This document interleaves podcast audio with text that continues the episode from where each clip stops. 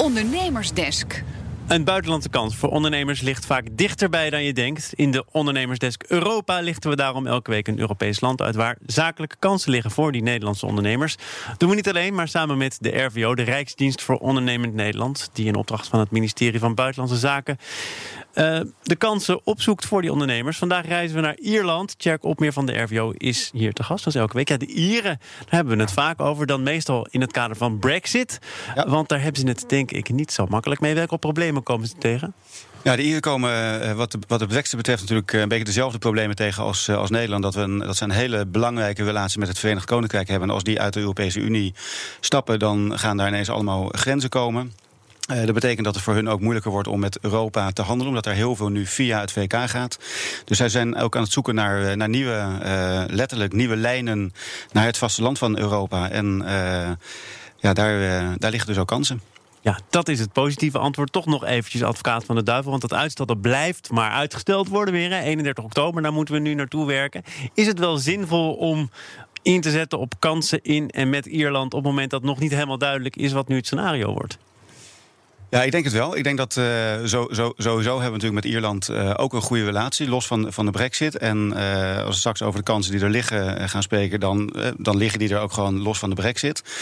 maar tegelijkertijd is natuurlijk wel de onzekerheid is, is groot. En dat, dat zie je natuurlijk ook in de, nou ja, de, de, reacties van veel bedrijven. En dat zal in Ierland niet anders zijn dan in Nederland. Van ja, wat betekent dit voor ons? We hebben ons voorbereid en wat moeten we nu doen en weer wachten, et cetera. Dus dat, is, dat helpt niet voor de bedrijven. Maar als de kansen los van brexit zijn, dan maakt het ook niet zo uit, toch? Nou ja, er zijn op dit vlak van de havenontwikkeling zijn er kansen los van de brexit. Uh, omdat ze daar sowieso flinke investeringen gaan doen in, uh, in de haven en in de mhm. infrastructuur. Dus die liggen er ook los van de brexit. Maar verder de, de economische relatie zal natuurlijk ook wel door de brexit. Ja, ja, okay. En afhankelijk van de uitkomsten van de, van de nou, mogelijke onderhandelingen na de brexit. ja. uh, afhankelijk van hoe dat eruit ziet, zal dat effect groter of kleiner zijn. Ja, we moeten de nodige voorbehouden blijven maken. Maar we zijn wel echt op Nederlands terrein. Ik hoor weer havens. Ja, ja, daar zijn we weer. Ja, havens, nee zeker. Uh, nou, ons, ons koningspaar gaat uh, op 13 en 14 juni op staatsbezoek naar Ierland. en parallel daaraan gaat minister Kaag met een handelsmissie daar ook naartoe. Die gaan naar Dublin en Cork. En die gaan daar uh, met name kijken op, uh, naar de mogelijkheden op het gebied van, uh, van havenontwikkeling, cruise terminals, terminals, overslag. Um, dus daar is een heel mooi programma gemaakt samen met de collega's van het ministerie van Buitenlandse Zaken, met de Post. om te kijken hoe dat er allemaal uit gaat zien. En daar liggen voor de ondernemers die meegaan hele grote kansen. Dus ja, uiteindelijk een heel mooi programma waar ondernemers ook de, de, de, hun counterparts kunnen leren kennen in, in Ierland. En daar ook soms ook onder toeziend oog van de de koning en de koningin eh, in gesprek kunnen gaan. En kunt u ook wat voorbeelden noemen van ondernemers die meegaan? Uh, ja, er zijn, volgens nog zijn er met name een aantal, aantal wat grotere uh, bedrijven... Die, die met name in de bouw, de bagger uh, zitten. Um, ik weet niet of het nou opportun is om, om namen okay. zelf te gaan, te gaan noemen. Maar een aantal bekende namen die in Nederland op dat vlak werkzaam zijn. Dus maar, eigenlijk allemaal hun kennis en ervaring hebben opgedaan... in bijvoorbeeld de haven van Rotterdam? Ja, bijvoorbeeld in de haven van Rotterdam, maar ook op internationaal vlak... in het, in het uitbaggeren van havens, in het aanleggen van havens. Maar daarnaast zie je ook dat er bijvoorbeeld op het gebied van de digitalisering van, van havens... ook ontzettende ontwikkelingen zijn. En daar liggen dus ook in Ierland hele grote kansen om uh, daarop in te spelen. Dus ik zou in die zin ook de wat kleinere bedrijven die op dat vlak actief zijn, willen oproepen om mee te gaan op handelsmissen. Omdat ze daar dan ook specifiek in die niches actief kunnen worden.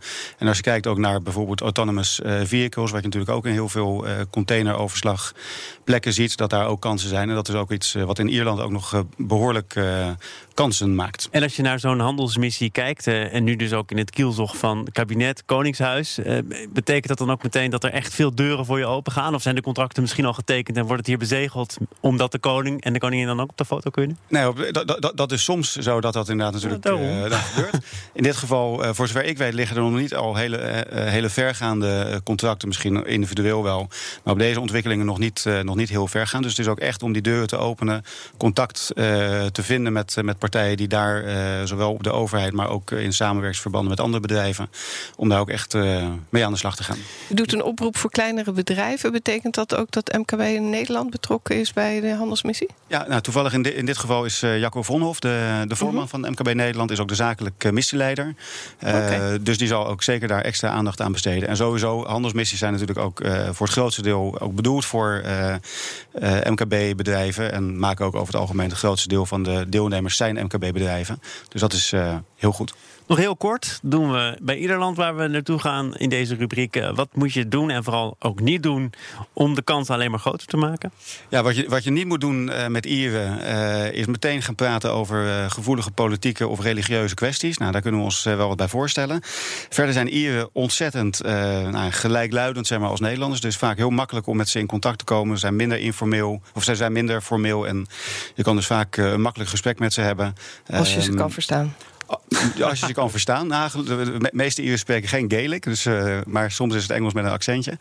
Um, en uh, vergeet ook niet om s'avonds uh, een Guinness in de, in de pub te drinken, want dan kan je de relatie verder uitbouwen. En Guinness is toch af en toe ook even wennen. Ja, zeg dat. nou goed, misschien als je echt uh, potten wil breken daar, dan zul je er toch aan moeten geloven. Tjerk op meer van de Rijksdienst voor Ondernemen in Nederland was hier. Is hij volgende week weer? Dan gaan we naar Oekraïne. Goed, tot dan.